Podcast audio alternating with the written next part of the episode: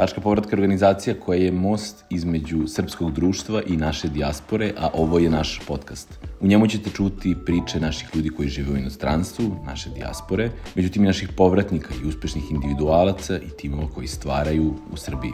Marija Pasuljević, naša današnja gošća, broji na švedskom, radi na engleskom, a sa nama je svoju životnu priču cirkularnog migranta podelila na srpskom jeziku. Nakon detinjstva u Geteborgu, studija u Americi i Italiji i karijeri širom Evrope, aktivno danas radi na upređenju digitalnog ekosistema u Srbiji, kao izvršni direktor e-commerce asocijacije. U ovoj epizodi i divnom razgovoru otkrivamo i kako izgleda život iz kofera sa brojnim letovima svakog meseca, šta se promenilo za vreme pandemije COVID-19, šta je bila motivacija Mariji za dolazak, ali i koji su to lični razlozi bili za ostanak u Srbiji. Uživajte u ovoj epizodi.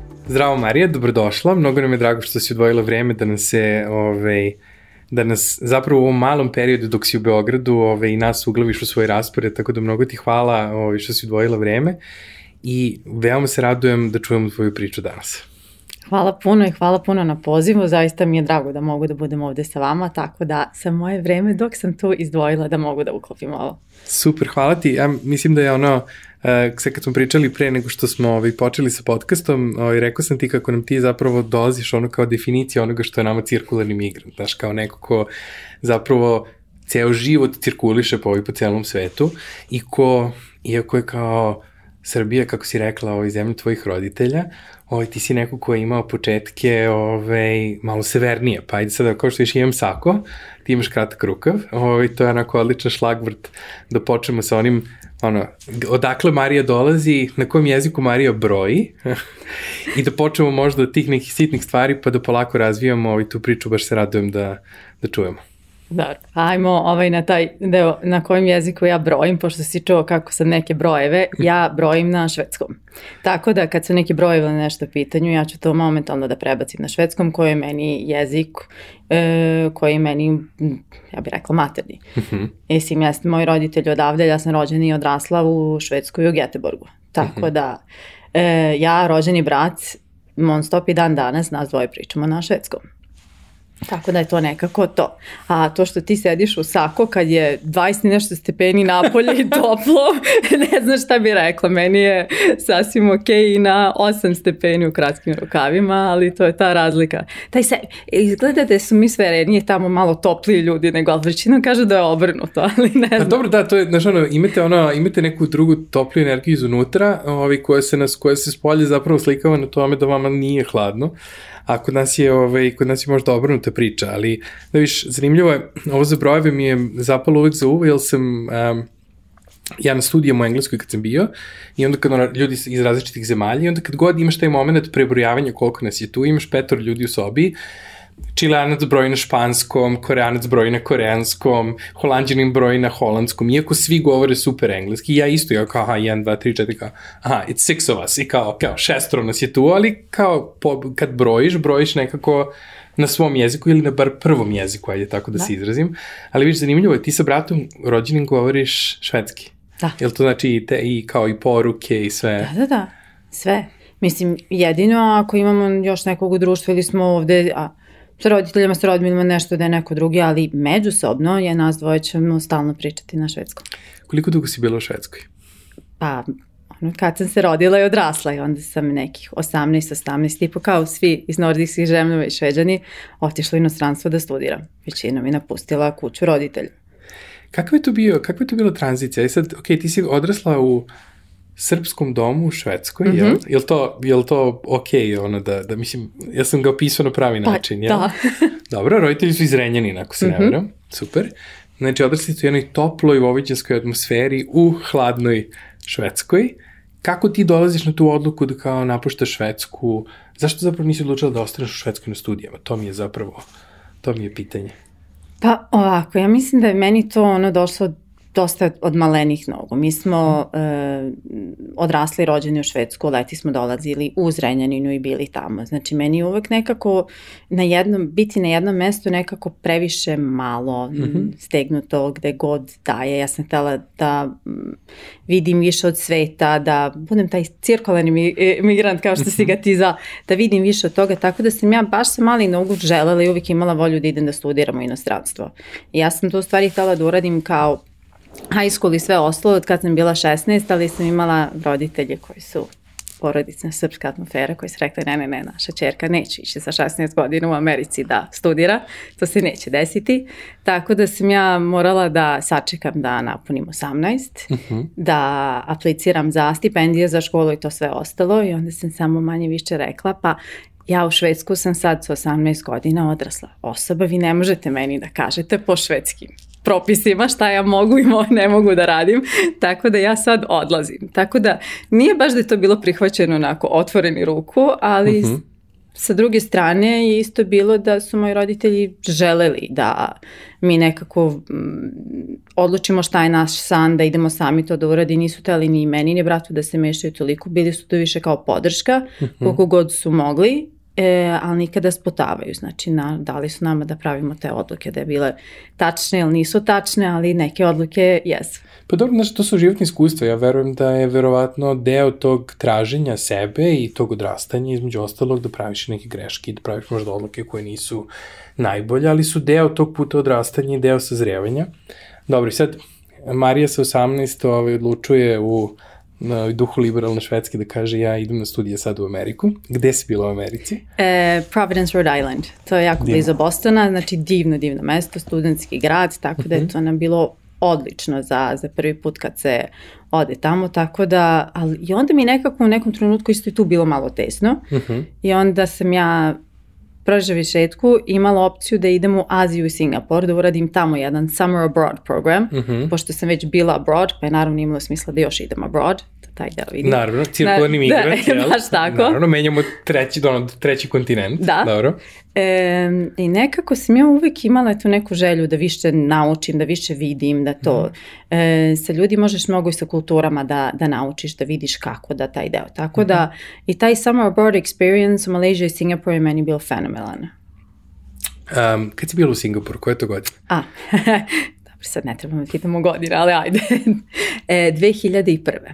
Aha, pa dobro, ali tad, mislim, Singapur je tad zapravo počinjao da bude onaj pravi grad budućnosti da. i on je već tad zapravo bio nekoliko koraka ispred onoga što ti zapravo u Evropi možeš da vidiš i, i u smislu tehnološkog napretka i u smislu nekog razvoja. Koje i kakav je doživljaj biti student ovaj u Singapuru? Pored toga što znam da je jako čisto i super uređeno, koji je tvoj ono vibe bio? Kakav, kakav je tvoj doživljaj bio Azije kroz ono singapurski lens? Pa, mi smo imali tu tačno dve različite ono contrasts, znači mm -hmm. Malajzija, mm -hmm. koja uopšte nije toliko advanced i to sve ostalo, i biti ono exchange student i otići tamo i vidite koliko su oni možda ne toliko blizu, ni, ni Amerike, ni Evrope u tom -hmm. delu, i se prebaciti u Singapur je totalno dva različita sveta u tom trenutku bilo. Mm -hmm. uh, otprilike od nekog ono mainstream do super high tech, mm -hmm. od sve što funkcioniše, tako da je bio taj wow efekat. A to grad kao grad da je ono apsolutno najčistiji grad u koji sam ja ikad prokoračila, još uvek stoji. Znači, mm. dosad nema grad koji meni čisti, koji sam ušla nego što je Singapur. Si imala priliku nekad kasnije da se vratiš u Singapur? E, još nisam, ali ostalo mi je na to-do listi.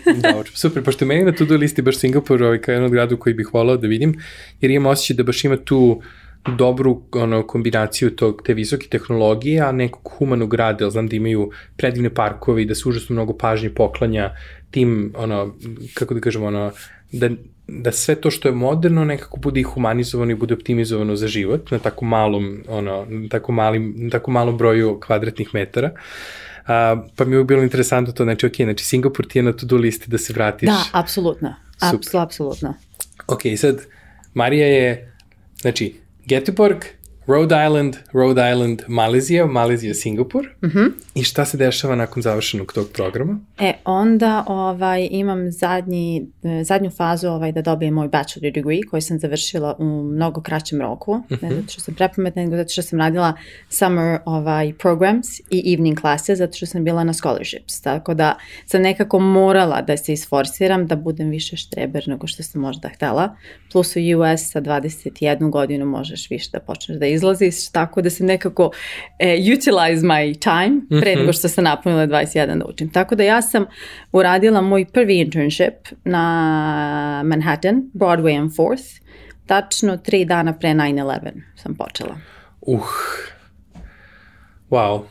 Ok, ajde sad ono, emotivni roller coaster, kako je to, kako to uopšte izgleda? Za početak kako izgleda doći, ajde kao, ajde kao ostanemo na tom prvom danu kad dolaziš na Manhattan, koji je to ono, sad, ono, je li imaš onaj, da li, je li imaš onaj filmski moment? Meni je svaki put kad sam bio u Njorku osjećaj bio kao da si na sceni filma, znači kao da te sve vreme snima kamera i imaš taj ono 35 mm kadar, žuti taksi koji to je, jel li imaš, jesi imala taj osjećaj kad si došla? Pa, naravno da ja sam, mislim da svu i, i provi sad juče kad sam se vratila, još uvijek imaš taj osjećaj kad uh mhm. -huh. odeš tamo da je to, to mislim, jedan ono, grad koji nikad ne spava, to je nevjerovatno šta sve može u tom gradu da se mhm. desi u jednom danu. Ali taj moment kad ti sa 21 godinu trebaš da radiš svoj internship u New York City on Broadway and 4th i onako je to još za advertising company, meni je to bilo nešto ono slučajnost, ne slučajnost, ali mi je bila super prilika. Tako da, mislim, taj uzeti subway da dođeš ono from midtown to downtown i taj ceo koncept je bilo ok. Prilika je nekom trenutku, I can do this, I can manage this one, ono. I feel a bit in a big city, lost with 21, ali super cool. I onda tri dana kasnije se ne osjećaš toliko cool, jer sve živo nekako u nekom trenutku mislim da sam gledala to kao da gledam kroz film neki, baš to što mhm. si rekao, neki uopšte nema se osjećaj da se to zaista dešava. Imaš osjećaj da se to nekako gledaš to kroz, ok, is it a movie, is it something else, ono kao da li je ovo stvarno realno što se dešava.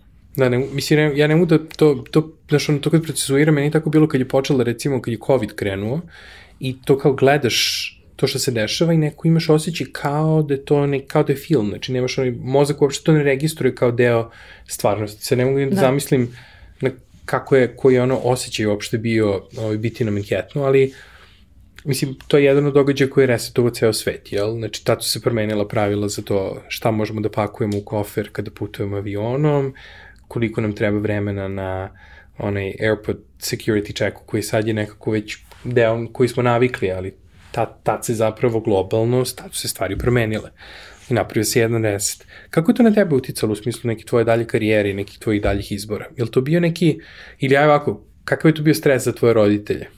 Pa, za moje roditelje i za brate bio ogroman stres zato što niko nije mene da mogu da dobije možda neki 12-18 sati. Znači nisi uopšte mogu nikog da kontaktiraš. A pošto smo bili možda jedno 4-5 godine ranije sa mamom u New York i onda ja kako da njoj objasnim gde je Broadway and Fourth, ja sam rekla da je to dosta blizu Twin Towers. Rekao, ajde neki landmark da joj dam. Sad, znaš, to je bilo više onaj taj, ajde da joj dam landmark da zna u kom delu Manhattanu je to. I sad, dok ona razume Broadway and Fourth, do blizu sam tamo, e, da, tih 12 do 18 sati je, ja mislim, i za njih i za mene bilo dosta dugo, jer se osjećalo ko danima, nemaš nikog da dobiješ, nemaš nikog da kažeš you're okay. I u nekom delu mislim da je na taj deo ok, šta trebaš da uradiš u stressful situation. Znači šta je to i kako to da handluješ. Dobro, i šta za 21 godinu mučiš kao životnu lekciju tad? Je li imaš nešto što si možda kasnije tek shvatila da si tad implementirala kao neki, da li možda mehanizam zaštite ili ono neki način razmišljanja? Mislim, jesi imala tad ono, da li ti je to bio ono jedan od onih teških trenutaka u kojima si samo prosto izborila sa situacijom i shvatila da imaš neki ono dobar mehanizam da racionalizuješ to, pa je to možda nešto si kasnije koristila u, u poslu, ili je to samo prosto bio ono preveliki šok da kao u tom trenutku sve procesuiraš. Mislim, čisto ono... Pa, o, ovako, bilo kom dešavanju kasnije u životu nešto drugo bude, tako da nekako nađeš neki me, mehanizam od toga šta si dobro uradio u tom trenutku, šta si mogo bolje da mhm. uradiš, taj da Znači, životna lekcija je da ću preciznije biti kad kažem roditeljima gde se nalazim, to je Dobro. definitivno, Dobro. da nemam tu, ovaj, to je, ono, preciznost je u tom delu vrlo, vrlo bitan. Da. E, ali isto taj deo gde sam ja iznenađujući bila jako smirena u celom tome. Mhm. Znači, vrlo, vrlo. Znači, došla sam do tog dela da nekim stvarima koji nisu toliko bitne, može da se desi da se možda više ono, Isključiš. Stres ne, ali više stres ne, ali nešto tako, ali na ovo stvarno nešto kad je tako je više ok. Onda tu mislim da uključim taj moj švedski mozak. Znači šta je 1 plus 1 plus 1, to je to, moram to da se uredi, to bi to bilo da bi to uredi. Znači tak nekako idem na, kao bi da bi ti daju ovaj IKEA manual, kako trebaš nešto da sklopiš. E, tačno tako mislim da mi je to bilo. I to se nekako koristila, mislim i kasnije i kad sam putovala po svetu i kad sam dolazila u zemljama gde možda nije toliko mm, lako da Bezbedno. se ba bezbedno. I onda sam nekako taj deo ok, koje su stvari koje trebaš da znaš, gde trebaš da budeš, šta trebaš, tako da sam nekako taj deo, ali svaki taj deo ako imaš, mislim 9-11 je jedan veliki deo, znači to je, kao što si rekao sam, to je promenilo ceo deo kako putuješ i sve ostalo, to je to. I ja sam bila tu, tako da, ali na kraju je meni bilo oduševljena sam bila s tim taj humanost, kako sam videla. Znači ti vidiš ljude koji uopšte ono samo daju vodu, pitaju da li nekom treba pomoć. Znači vrlo je nekako u tom trenutku tih par sati posle tog ta smirenost u Manhattan, New York City, to nikad nisam videla i doživjela posle toga. Mislim i to nikad ni neću, ali ta smirenost i ta humanost, kako su ljudi hteli da pomaže jedno drugo je jedna jako lepa gesta. Pa da, mislim da se ljudi resetuju kad su takve stvari, to ti, to ti vrati fokus na stvari koje su bitne, Da. znaš, i da taj humani moment uh, u kojem, kako da kažem, ono, mm, kad imaš priliku da pomogneš nekome baš na tom nivou, da mu ponudiš vodu, da mu pomogneš da ustane.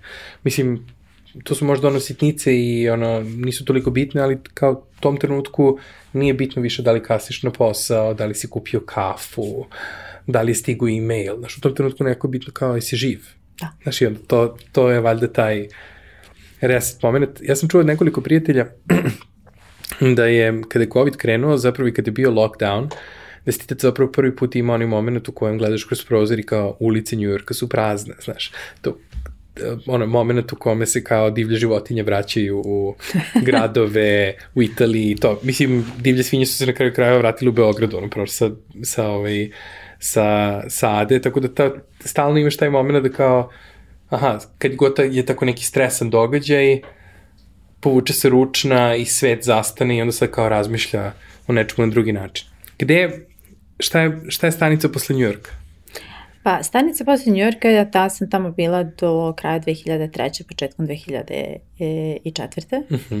I onda sam imala osjećaj, ok, bila sam ovde, ovo sam sad uradila, ovo sam sad videla, e, sad hoću ponovo nešto drugačije, nešto novo, neki drugačiji izazov i onda sledi Milano i studija na Bokoni. Pošto sam već završila, onda ja sam u tom delu da nikad znanja nije dosta, tako da sam upisala master, e, prvi master na Bokoni. Zašto Italija? E, Mislim, u smislu, ajde ne zašto, nego kako Italija nakon Njujorka? Kako je taj, kako je taj switch? Mislim, mogu da smislim hiljadu razloga zašto Milano, siguran sam da ti imaš još četiri hiljade na novih hiljadu koji meni padaju na pamet, ali pored toga što Bukoni super škola, kako, kako se zapravo vraćaš u Evropu, ali se vraćaš u toplu Evropu i u taj... umesto Severnoj Umesto severnu Evropu.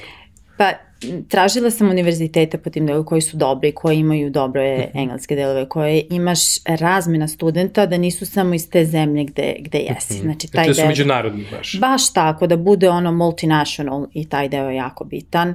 E, capital of fashion, znači ono, ono, New York jeste super, ali Milano i taj deo sa fashion je fenomenalan. I još jedan deo da moj rođeni brat i njegov masters radilo u uh, London, mm -hmm. LSE, tako da sam ja tela da radim nešto drugačije, pošto smo jedan i drugi bili u Americi, tako da mi smo tu godinu dana razlika, tako da sam ja tela nešto drugo i tako je ispalo Bokoni. I- Super. I kako izgleda, evo da li si se zaljubila u Milano i u koncept aperitiva? Pošto meni to recimo jedna od prvih stvari koja je meni u Milanu bila, ja sam rekao, ovi ljudi znaju, ovi baš ljudi znaju da žive. Jel, jel si imala taj moment? Pošto meni to recimo bila jedna fascinacija, pored, znaš, pored divne kulture, pored nestvene istorije, pored te mode koja je kao na svakom ćošku, koju nose ljudi, nije to čak, to nisu čak ni brendovi ni radnje, nego ljudi na ulici, ono, bračni par 74 godine izgledaju full doterani, spickani, divno mirišu, kao i vidiš da je njima to ono kao dnevna rutina, ali meni taj aperitivo i taj moment tog posle posla idemo na vino ili aperol špric, imamo hranu na baru i svi čaške, svi, svi, svi onako govore, žive neko, taj moment, ta energija je meni bila nešto što ja nigde drugde nisam doživeo osim u Milanu. Ne znam da li si imala taj doživljaj, kakav ti je Apsolutno, još uvek ni ja nisam doživjela taj aperitivo nigde drugde osim u Milanu. Ja sam imala sreću da sam delila stan sa devojkom iz Francuske i sa devojkom iz Japana. Tako da nas tri smo imale tri totalno različite kulture koje smo uneli u taj jedan stan i to je u početku bilo kao da li ćemo da idemo napretivo, da li nećemo, kao imamo ispit sutra. To je bilo prva dva i po meseca i posle toga je bilo kao, a pa znaš šta, bolje razmišljamo ako idemo napretivo pred ispit, to nas nekako opusti. Da. Tako da taj deo, ali ono, leti aperitivo u Milanu, mislim da nema ništa bolje od toga. Da, ja se s tom slažem, meni je to možda jedan od ono najjačih utisaka, iako je jedan običan, čist dnevni hedonizam, ali način na koji oni to rade. Ta energija, atmosfera koja se stvari, to što ljudi koje ti upoznaješ, za barom, koji ti dodaju hranu, koji ti dodaju čašu vina, koji s tom neko pričaju na jedan način kao da ste svi tu došli da sad ono se nakupite nekom dobrom pozitivnom energijom, ja nigde osim u Milanu to nisam doživeo na taj način, tako da baš mi je drago da ti je to bio Pa jeste, zato što tu nemaš onaj deo, e mi sad stojimo tu, mi smo došli sa ovim ljudima, a ovi su došli sa, sa ovim ljudima, nego tu ono, ne znaš ko je gde došao, gde je ko seo, ali ljudi pričaju, mingluju, znači ono, mm -hmm. to, to je ono nekako, vrlo su topli sa te strane. Mm -hmm. I taj deo, tako da je meni ono, baš ostao jako dobrom sećanju. Tvoj put cirkularne migracije se naravno ne zaustavlja na Milanu, jel? Ne. Dobro. Šta se dešava nakon studija na, na Vukoniju? Pa u tom trenutku sam nekako u nekom trenutku imala želju kao možda bi ja trebala da se vratim kući u Švedsku. Uh mhm. -huh. I vratila sam se na malo kraći period. Prvo sam bila u Štokholm i onda sam rekla, hm, ja sam rođena i odrasla u Geteborgu. Dovoljno sam odrasla i rođena severno, ne moram da se selim severnije od Geteborga, tako da ja i Štoholm nismo baš ovaj dugo bili nešto u ljubavi, zato što je to severnije, tako da sam se ja vratila u Geteborg Super. i počela da radim za francusku kompaniju tamo, za Biki. Uh mhm. -huh.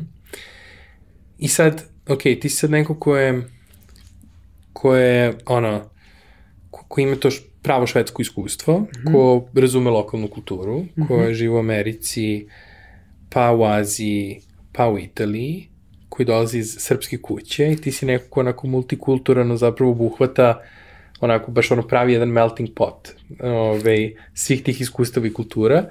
Kako ti je to pomoglo ili odmoglo ili obojilo na drugi način to iskustvo rada za jednu veliku francusku kompaniju i kako izgleda tvoj razvojni put sad tu? Mislim, šta se tu sad dešava? Ti sad već sazrebaš i kao profesionalac, koje su tu sad sve ono, koje su tu sad sve nove boje i novi leri koji se dešavaju ove, za Mariju koja je to kao krenula od uh, Geteborga kao osnovac i došla sad ono full circle nazad kući. Full circle nazad, dobro. Tu ima ovaj e, različite boje, kao što si ti rekao, 14 punih godina mm -hmm. sa bikom, tako da to mogu. Ja mislim da taj deo, pošto mm, Geteborg je manja kancelarija bila, gde je uvek bio neko od tih stranaca koji je bio tu sa mix. Znači ja sam mm -hmm. uvek radila u prostoru gde nisi samo sa švedima, nisi samo sa ljudima odavde, nego uvek je bio neki cultural mix. I ja mislim da se ja tu dosta dobro uklopila, Mislim, pokazalo se da jeste, ali zato što nekako ja sam probala da naučim mnogo toga u vezi kultura i kakvi su ljudi i osobe i sve ostalo. Na kraju krajeva ta komunikacija jako bitna. Uh mhm. -huh. Sad, nebitno ti na koji jezik pričaš, ali da, da, da osetiš taj deo, kako trebaš nešto da izneseš, kako ne trebaš e, i taj deo. Tako da ja mislim da sam naučila dosta dobro da plivam u tu francusku ovaj, kulturu. Jesi imala priliku da provedeš neko vreme u Francuskoj ovaj, dok si radila za Big, pa da, pa da si tu zapravo sad imala onaj, to neko, to neko dodatno mini cirkularno iskustvo iz Geteborga, Jesam, ali ti si tad tu fast forward dosta puno. Aha, dobro, dobro, dobro, čekaj, čekaj. imam, pa, imam par... Imam, Molim te... Uz... Jesam, jesam, došla sam do Francuske, uh mhm. -huh. ali sam imala neki detour između toga, jer ja u nekom Slušam. trenutku nisam. Ja kad sam bila u Göteborgu, ja sam vodila tržišta i u prodaju marketing koja je bila Nordic countries, plus uh mhm. -huh. Iceland i Baltičke zemlje. Uh mhm. -huh. Tako da, ono, manje više ceo taj Sever. Ne, sever. I u nekom trenutku na neku konferenciju, a Balkan je bio vođen sa strane Italije, u neku konferenciju 2011. 12. E, kad smo bili u Berlinu, oni su meni pitali šta ja mislim o balkanskim tržištima pošto ono, vide da već neka, ok, bila si u Švedskoj jedno vreme sad, vidi oni da meni, ok, videla sam da, ali ako pogledaš moju ovaj, track record, manje nisam ostala toliko dugo na jednom mestu, tako da je njima više bilo taj deo, ajde da ponudimo nešto, jer Što je svako, izazovno. jer će inače da... Sko... Tako da sam ja u tom trenutku, to je vrlo smešna priča, ja sam u tom trenutku mislila da zaista oni meni nude posao da se ja vratim u Milano. Aha. Kao Italija vodi Balkan. Italija jasno. vodi Balkan i jeste. To, to je ta ideja, to je jedna lekcija. Pitaj ono the fine print before you answer the question. Dobro, to je odlična životna lekcija u bilo kojoj situaciji. Dobro. Jeste. I sad, e, šef ko mi je onda bio, on je Nemac, tako da smo mi to prezentovali negde oko 11, pola 12, vi stojimo, pričamo uveče o tajmingu. I sad sledeće jutro, ajde na sastanak, odmah ujutru, da se tu malo više nešto definiše. I ništa, i sad kako ja sada pitam da li ostaje lokacija Milano, a on neće da kaže ne, jel ne zna da li je spomenuo ili nije spomenuo. Sad, to je prilike ta ideja ono, who holds the poker cards and who plays better. I on kao, pa, možda da ti ispričam kako smo mi teli ovu regiju sada radimo. Ne znam koliko smo to prešli sinoć. Rekao, mislim da je to odlična ideja. I on kao, pa dobro, mi smo mislili da odvojimo Balkan od, od Italije i Milana. I tu mi je nekako propalo ceo taj koncept. Tu sam baš bila onako tužna, ali ono kao, ok, ništa reći ću, ono super. Ja sad slušam, slušam i oni kažu mi hoćemo da otvorimo tu kancelariju. Central South East Europe, eh, Češka, Slovačka, Mađarska, ex-Jugoslavija, Albanija, to nekako sve da se svodi u Central South East Europe. Mislim da nisu znali koje ime da stave, tako da su sve grupirali. I ništa, u tom trenutku rekao, ok, a gde hoćete kancelariju da stavite? I on kaže Beograd. Ja kažem, ok, I taj ok je bio na način kako sam ja u stvari došla u Srbiju, gde ja nikad nisam imala plan da dođem ni taj deo, nego je bilo neki kažu, ne znam da li se kaže sudbina ili nešto tako, ali eto, to je bilo to. E, od svih destinacija i sve gde sam putovala, gde sam otišla u školu, sve što sam radila, taj trenutak kad sam roditeljima rekla da sam prihvatila da se selim, i oni pitaju gde? U Beograd. Ja mislim da taj minut dok su oni došli sebi je ono priceless. E, to je bilo, mi ne razumemo odakle to. Tako da, eto, onda sam došla baš u Beograd 2000, krajem 2011. 12. da vodim ovu regiju, ali ja od tog perioda nisam spojila mesec dana u Beogradu do COVID-a. Stvarno. Da. Zato što smo imali sva tržišta, head office Pariz, plus kancelarije, tako da ja nikad, plus da sam stalno išla kući u Švedsku da kad sam mogla u početku, ja nikad nisam spojila više vremena ovde. I onda se, kako sam to vodila, onda zadnje tri godine, tu dolazimo do te francuske, e, nekom se sviđao posao koji sam ja zaista radila, su pitali da li hoću da se prebacim, da radim kategoriju upaljača, ali na globalnom nivou. I sa head office u Parizu i sa head office u Parizu sa globalnom pozicijom. To znači da sam e, srećom imala opciju da mogu da vidim ceo svet dodatno, to što nisam videla, Mhm. sa tom pozicijom da mislim da sam obišla manje više ceo svet. Koliko dugo si, koliko dugo si zapravo cirkulisala iz Pariza? E, pa cirkulisam sam iz Pariza s tim delom da sam onaj let u 6.40 ujutru do Charles de Gaulle uzela ponedeljak ujutru, otišla tamo, skoknula na neki drugi avion negde drugde po svetu, pa se vratila neki 10 dana kasnije. Možda neke tri godine. Ti si zapravo onda tri godine bila pravi cirkularni migrant koji je živeo iz dva kofera. Da, jeste, apsolutno. Da li I je imala adresu ovde. imala adresu ovde, da. E, kakav je osjećaj, sad pretpostavljam da je to malo drugačije, jer kao ti si nekako pre ono bila na jednom mestu, pa se nekako kao tu si, jel? Znači u Milanu si tu, u Americi si tu, e, u Geteborgu si u Geteborgu. Kakav je osjećaj sad biti stalno u toj cirkulaciji? Jesi imala neki, jesi imala neki moment da ti nedostaje da malo više vremena provedeš na nekom mestu ili to sve i dalje bilo u okviru tog izazova rada na poziciji kao što je ta? Pa ja mislim, kako sam ja počela da radim u, i pre toga da sam bila u Real, ja sam uvijek imala nekako različita tržišta gdje ja nikad nisam stalno bila na jednom mestu. Znači, meni tu negde od 26. godine ja nisam imala jednu poziciju koja je meni fiksirana. Da sam ja non stop u istom gradu. Ja sam u početku bila. Onda kako sam došla ovde, samo više i više tih putovanja. Tako da, taj deo mi nije pao toliko teško nešto tako. Jeste ponekad kad se probudiš ujutru i zaista moraš da razmišljaš, a gde sam danas? To se dešavalo i, i to je taj neki deo. Ok, kad menjaš ono dve, tri države u jednoj nedelji, to baš može da bude heavy. Ali onda kako sam izašla iz toga, mm, pogotovo u toku COVID-a, kad je onda sve stalo, vidiš koliko ti zaista mnogo više spontane stvari stigneš da uradiš, koliko više vremena imaš, koliko više imaš taj work-life balance. Mislim, ti nekako kad si u tom celom circle i kako to ide, to jako lepo funkcioniše, jako sam lepo organizovan, znam tačno šta. Malo su me ljudi čudno gledali ovaj kad sam rekla, e ovaj u septembru ja imam sedam dana u Srbiji do kraja godine, kao možemo da se vidimo na kafu tog datuma, tog, tog i tu mogu večeru. Malo smo onako bledo pogledali, on prilike kao, javi se kad si tu. Da. Dok sam Niko ja- od nas ne planira toliko Da, napred. dok sam ja sve po kalendaru, po vremenu, znači svaki minut mi je bio isplaniran. Da, ja mislim da to, mislim da to kada zapravo uđeš u to kao sistem, onda verovatno ni ne primećuješ koliko, koliko je to ono jedan lud zapravo raspored i koji to što kaže, ono ljudi su u fazonu javi se kad si u Beogradu, mislim, nik- ono, te ne možemo sad razmišljamo september 2022. Da. šta se dešava. Dok sam ja, e, ajde poslaću ti ovaj calendar invite da sednemo na druženje. Pa da, to su, mislim, to su stvari koje, mislim, ono što tebi postane zapravo deo svakodnevnice, nekome je čista egzotika. I onda pretpostavljam da se tu zapravo dolazi u tu koliziju, ili ajde, kažem, razilaženje, barem kada su neki životni planovi u pitanju. Ok, i onda je jedan novi globalni reset, 2020. godina, odnosno, ajde, kraj 2019. Da. početak 2020. Šta se dešava?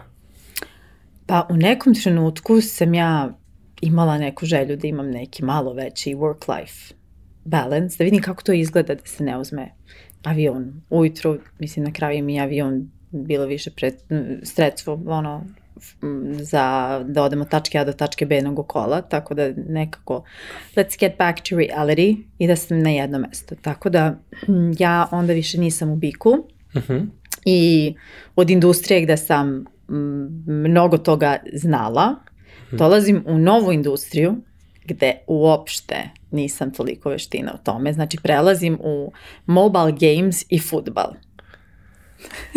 Dobro, ali komunikacija je ključ. Naravno.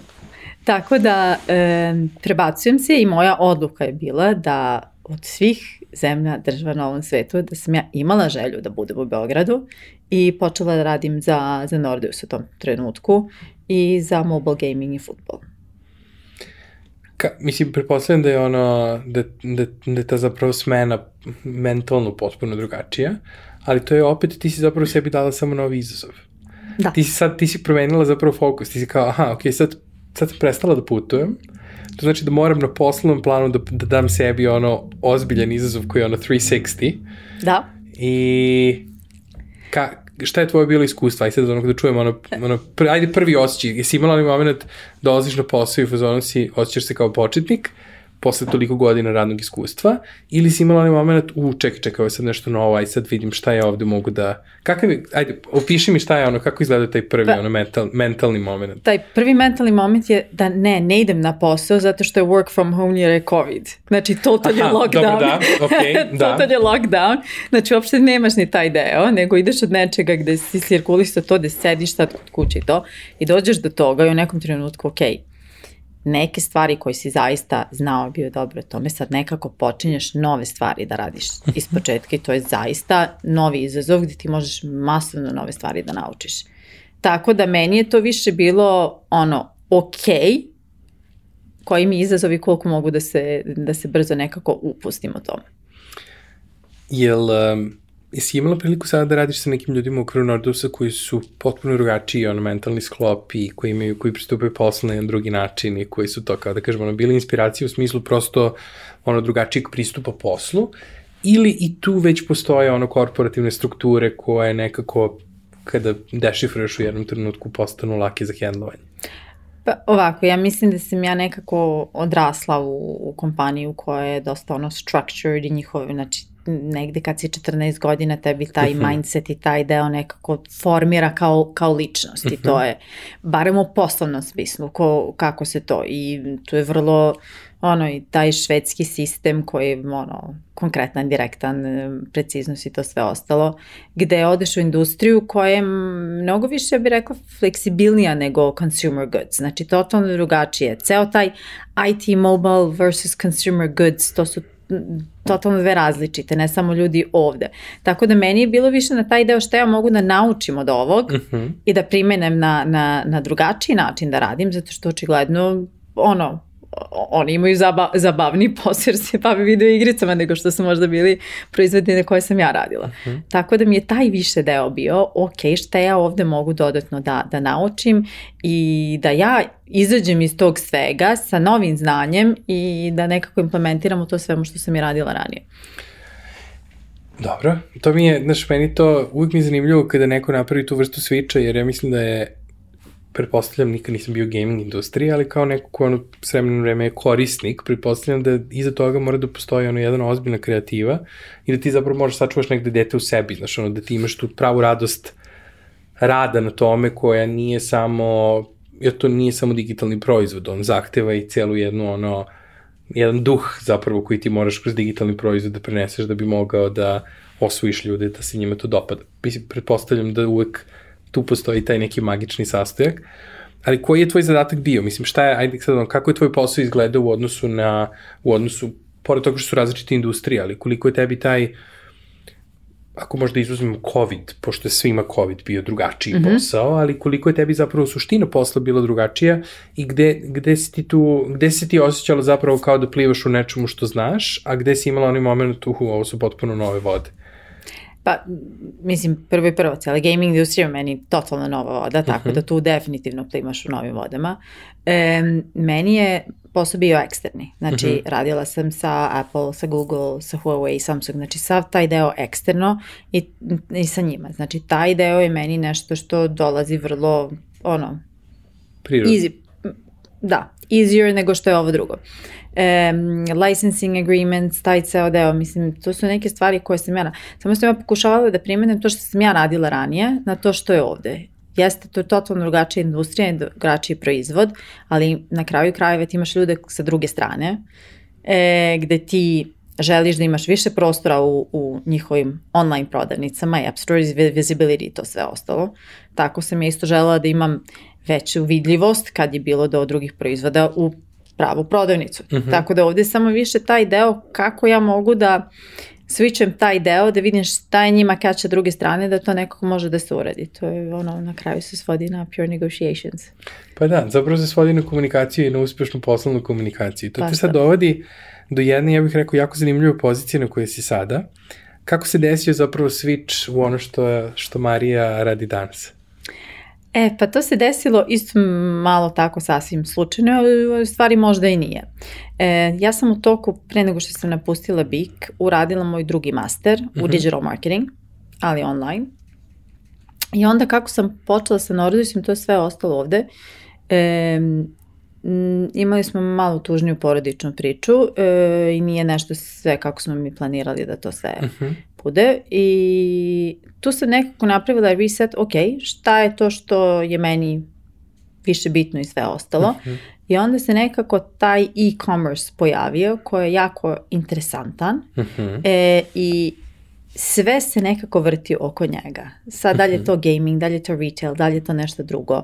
Mi hteli, ne hteli, mi ćemo svi biti u e-com i taj omnichannel na kraju, zato što je taj tu.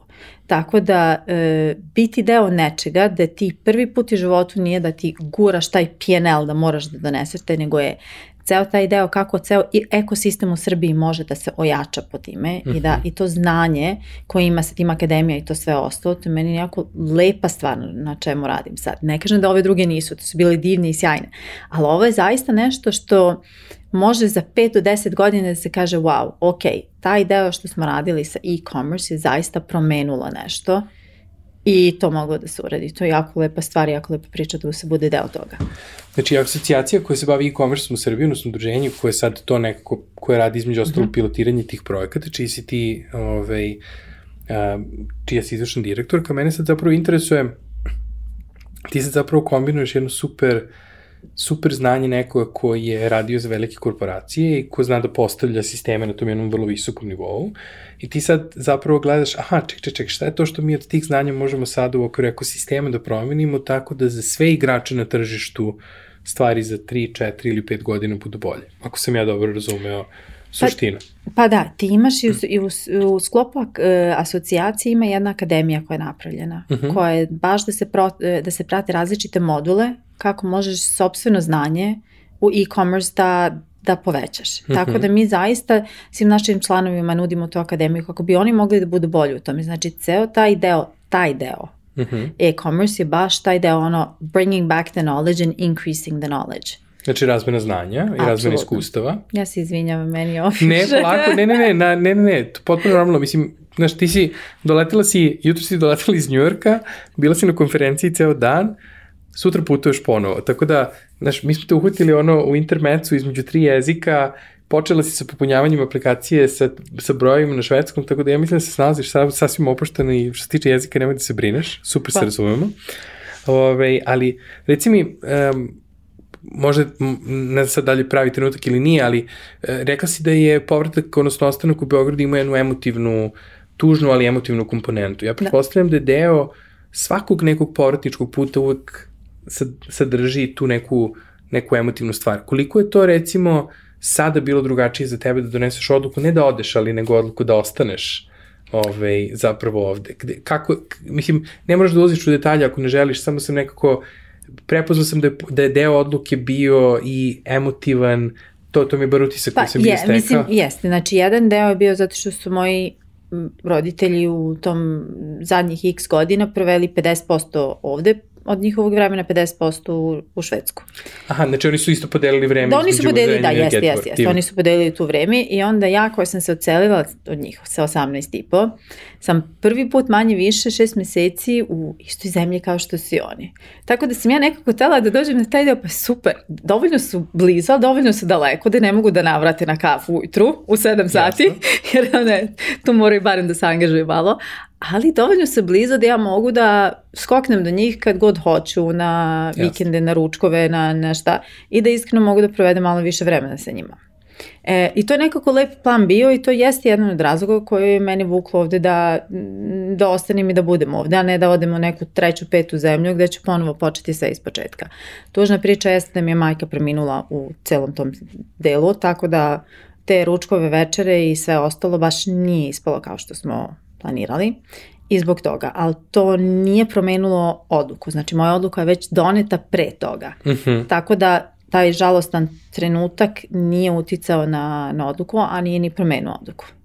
Dobro, vidiš, to je lepo, zato što prepostavljam da deo, naš deo te odluke i posvećenosti prema roditeljima um, je verovatno i ono radost koju znaš da bi oni bili srećni da si sad na jednom mestu na kojem postoji ta emotivna veza i da ti neko, kako da kažemo, održavaš vezu sa Beogradom, odnosno sa Srbijom, između ostalog, zato što ta komponenta je nešto što je, kako da kažemo, kad si klinac uvijek ti je bitno da odeš od roditelja, se osamostališ i da imaš taj moment kao tog nekog dokazivanja svog, koji je potpuno normalan i super, ali onda neko kao što si stariji, kako što si zreliji, zapravo u životu shvataš da kao, znaš što si lepo pomenula, bila kao taj kao work-life balance, kao taj odnos slobodnog vremena i vremena koje možda posvetiš ovaj, dragim i voljenim ljudima, i da onda to zapravo bude isto jedna od motivacija zbog koje se ostaje ovde. To je recimo jedan od ključnih razloga zbog koji se ljudi vraćaju.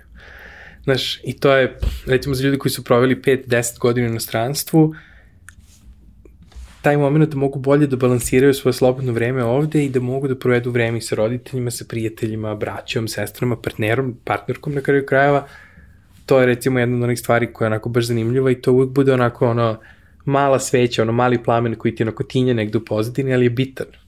Pa jeste, kako da ne, jedino što je razlika je da se vi svi vraćate negde gde ste uh -huh. vi, mhm. Ali ja sam još uvek u zemlji koja nisam rođena i odrasla, jer je meni kuća kuća, meni neko kad pita ono gde ti je kuća, ja ću uvek reći Švedska. Mm -hmm. Zato što je tamo gde sam ja rodi, rođena i odrasla. Ja jesam ovo jako zavodala i sve ostalo, ali još uvek ne bi rekla da je ono, još uvek meni Švedska nekako bliže po brojevima i svim oslo koje pričam nekako taj deo. Tako da, ali ovde ima toliko finih stvari koje, koje mi nekako žao da ostatak sveta ne zna. Reci mi, a to je možda jedno, to, to je ono fantastičan šlag za sledeće pitanje, šta bi rekla da je ono, jedna od stvari koja te pozitivno iznenadila kada Srbija u pitanju, a koje su ti možda ne bi bile prve na listi kad si razmišljala o dolasku ovde, ali su možda sada na top listi prioriteta ako razmišljaš u odlasku negde drugde i da li neka druga zemlja može to ponovo ti ponudi? Pa, ova, možda ćete iznenaditi malo ovaj odgovor. Meni je Beograd jedan od najsigurnijih gradova koji sam ja bila. Ja koja sam zaista mnogo putovala i to sve ostalo, e, ja mislim da ljudi ovde zaborave koliko su razmaženi, koliko mm -hmm. oni stvarno imaju savršen grad gde su oni sigurni. Mm. E, ja kad sam putovala sam bila u poziciji gde su mi rekli da ne mogu da odem preko puta do bankomata jer su morali da me eskortuju tamo sa ovaj machine gun zato što nije bezbedno da odem do bankomata. E, do toga da ne možeš da izađeš napolje, da prošetaš zato što si u compound gde, gde previše je rizično da se izađe. Tako da ta ideja ovde je meni zaista, mislim, nije ni toliko iznenađujuća, jedna od stvari koje bi birala ako bi se ponovo negde selila, to je da je negde gde je sigurno i bezbedno. Ne čudi me, imam, ono, potpuno te razumem, ja prvi put kada sam imao priliku da živim malo duže u inostranstvu, to je recimo bi jedan od utisaka u, u smislu kao u Parizu, kao posle deset ima određenih stanica metroa u koje ne silaziš. Da. Kao, meni je to kao moment u kojem je to prosto deo, kao to je pravilo po kojem ljudi u Parizu žive, meni je taj moment bio nekako, čekaj, čekaj, čekaj, kako je moguće to?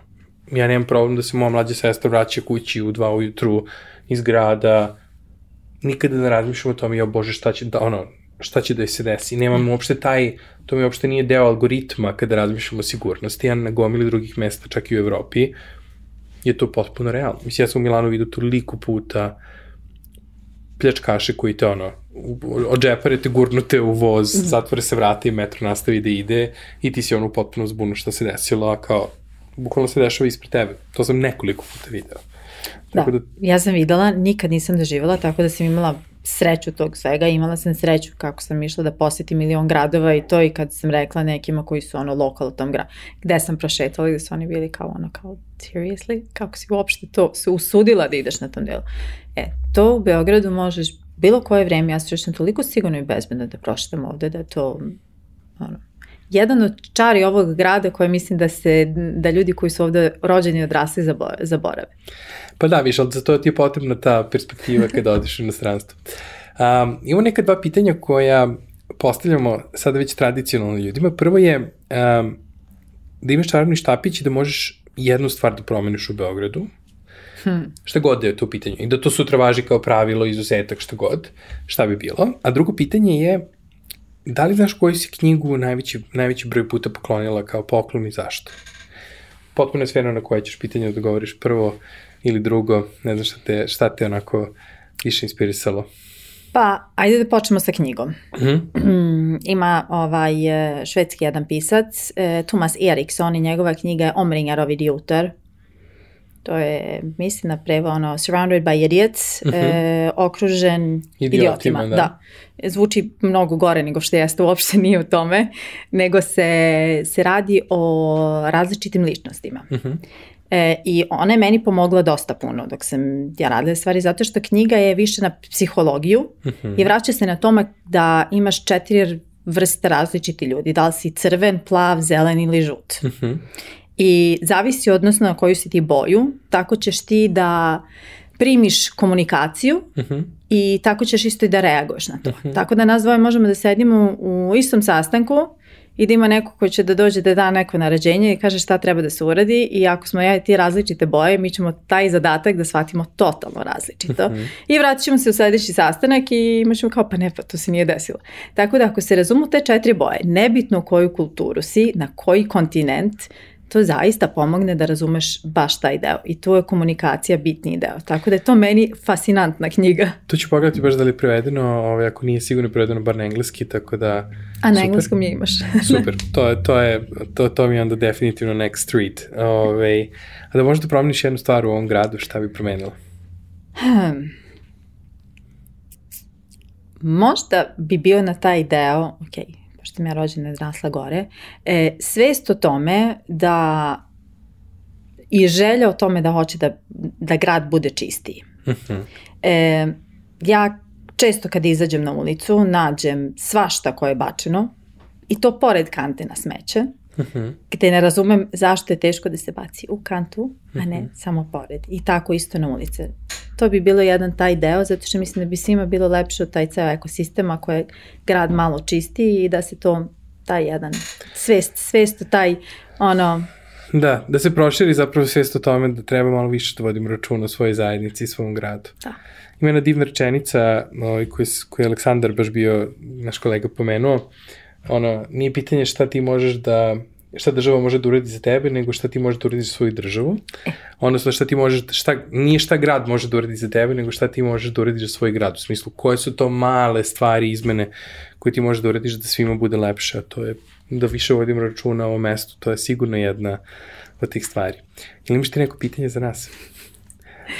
Mm, koju si ti knjigu poklonio najviše? Um, Pa, menja se. A, imao sam, poklo, poklonio sam u posljednje vreme baš, baš dosta poezije. Imam jednog, čovjek se zove Draško Sikimić. Mm -hmm. Ima dve, tri zbirke poezije koje su potpuno fantastične i njega sam recimo u posljednje vreme baš često poklanjao ljudima, ali mislim da poeziju smo nekako izbacili iz nekog redovnog toka ove, i zaboravili smo na nju. A ja sam pročitao njegovu uh, jednu, jednu predivnu pesmu nakon povratka iz Engleske sa studija i ta pesma me potpunosti raznala, onako, ono, na sastavne delove i ja sam rekao, čekaj, čekaj, ako sam ja doživao ovu emociju od ove pesme, sigurno još neko imao taj moment, gde, ti, gde on zapravo potpunosti upisao taj moj put odlaska, povratka, mentalnog razmišljanja, šta je, ono, kako se mentalno rastaviš i sastaviš na tom jednom putu. I onda se kao, razmišljao, čekaj, čekaj, čekaj, ovo je, ovo je nešto što želim da poklonim ovaj, um, gomili nekih prijatelja i to je recimo bila jedna od stvari koju jesam, a druga knjiga koju sam um, poklonio veći broj puta, um, u poslednje vreme sam nekoliko puta poklonio uh, dve različite knjige od Bekbedea koje su mi onako isto bile um, kako da kažem ono kao romani su mi bili onako ono, lep, modern pristup. Pa sad zavisi, vrlo je personalizovano kome mm -hmm. kupuješ poklon, ali to su recimo onako dva, dva pisca koje sam u poslednje vreme, Draško Sikimić i BKBD, onako često, često poklanjao i ljudi su baš ovaj, imali dobre reakcije na, dobre reakcije na poeziju, što meni baš bilo onako divno.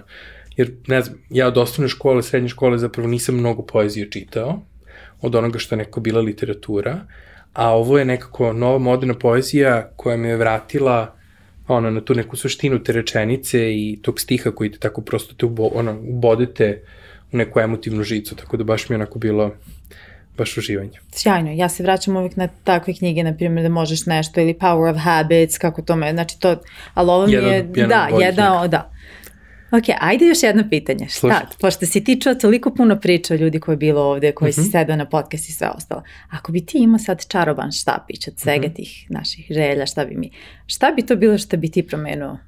Ovde? Uh mhm. -huh. Iskotila pa ja sam da mnogo bolje idu ova uloga da ja postavljam da. pitanja da, nego da odgovaram. Da bi, ja bih volao da mi, ja bih volao da mi budemo više otvoreni za drugačije. Jer mislim da je to recimo jedna od divnih stvari kad putuješ, navikneš se za nove kulture, za nove ljude, mnogo manje osuđuješ, mnogo više prihvataš, mm -hmm. dozvoljavaš ljudima da sami interpretiraju svoju stvarnost. A ja mislim da mi ovde često se držimo vrlo zadrto nekih stereotipa i ta vrsta individualnosti koja je negde velika prednost kad odeš u inostranstvo, na nju se kod nas gleda ili si Novak Đoković ili nisi uspeo. Znaš, mm. ili si fantastičan u tome što radiš ili neko postoji gomila sredine i postoji gomila recepata za sreću i ljudi mogu da budu srećni sa tim da imaju dete i da nemaju dete, da imaju psa i da nemaju psa i da žive sa istopolnim partnerom i da ne žive sa istopolnim partnerom i da imaju milion različitih načina na koji žele da vode svoj život, vode svoj posao, završi doktorat, ne završi doktorat, završi fakultet, ne završi fakultet. Voli bi da budemo otvoreni za to da ljudima dozvolimo da budu to što jesu i da kao da. društvo imamo taj jedan, kako da kažem, možda iskreniji pristupi prema samim sebima, da u tom smislu neko budemo, ha, čekaj, nisam ja tako savršen, imam ja neke svoje mane i neke svoje stvari na koje bi možda mogao da radim. I volio bi da svi više idu na psihološku terapiju. Mislim da nam to, krenuli smo sa teretanom, to je super.